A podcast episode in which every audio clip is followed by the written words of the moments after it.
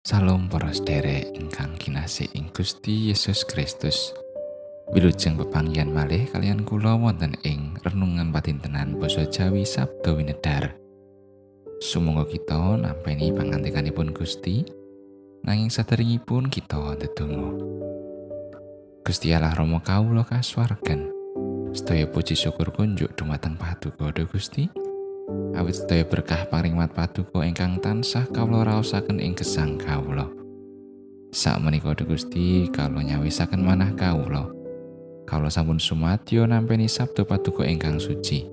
Mugi suci paring pepadang ing manah kawula. Kawula kasagetaken mangertosi lan nindakaken dawuh peparing paduka. Gusti tasih kathah dosa kelepatan kawula ing ngarsa paduka. Sumangga Gusti mugi kersa paring pangaksami. Wonten ing asmanipun Gusti Yesus Kristus juru wilujeng kawula ingkang gesang. Amin. Maosan kapendet saking Jabur Mazmur bab 11. Sang Yewah iku jumeneng dadi pangayoman. Kanggo lurah pasinden anggitane Prabu Daud. Aku ngayom marang Sang Yewah. Kepriye dene kowe padha wani marang aku? Mabura menyang gunung kaya manuk awit delengen. Wong duraka padha mentang gendewa. Panahe dietrapake ing sendeng sumedya dilepasake marang wong kang burus atine ana ing panggonan kang peteng. Samangsa tetalese padha dibubrai wong mursid iku bisa nindakake apa? Sang Yewah ana ing padalemane kang suci. Sang Yewah dampare ana ing swarga. Tingale mas padakake kedheping tingali niti priksa ana ing manungsa. Sang Yewah dadar wong mursid lan wong duraka, lan gedeng marang wong duraka kang seneng tumindak keras. Wong duraka padha diudani areng mengangah lan welirang. Angin kang gesengake ngebaki tuwungi. Amarga Sang Yewah iku adil, remen marang keadilan. Wong kang burus atine bakal nyawang medanane. Mekatan pangantikanipun Gusti ayat nat saking ayat gangsal. Sang Yewah dampari ana ing swarga, tingali mas padakake. Sang Yewah ndadar wong mursid lan wong duraka, lan gedeng marang wong duraka kang seneng tumindak keras. Nalika nerangaken bab panguwasanipun Gusti Allah setunggaling guru sekolah minggu remaja dawuh supados lare-lare sami gambar panguwasanipun Allah. Wonten ingkang gambar lengen ingkang ageng nerangaken bilih Allah menika kiat lan kuasa.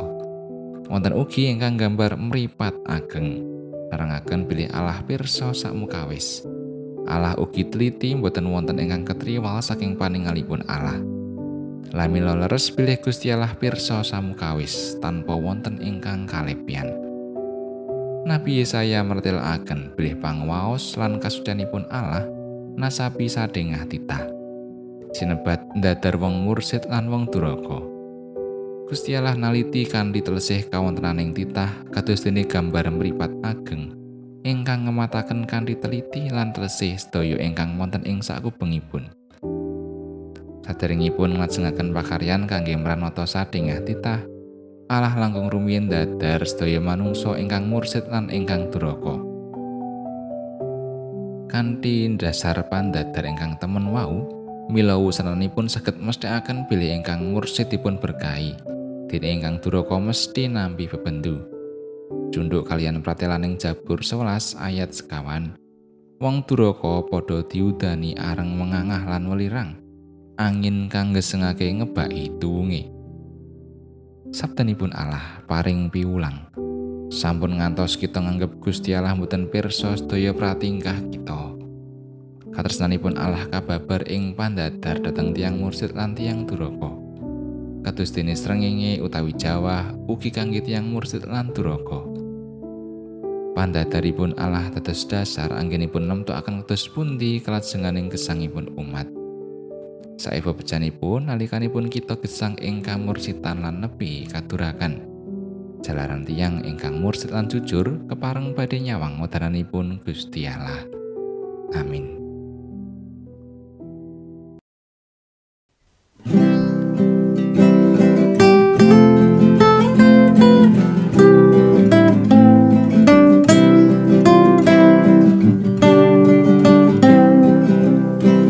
Gusti kawula ngaturken batan nyawa kawula.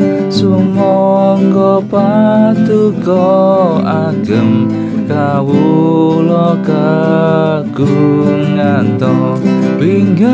Sisa kula marem nunggil patuko do Gusti purbeng tresno kula pasrah patuko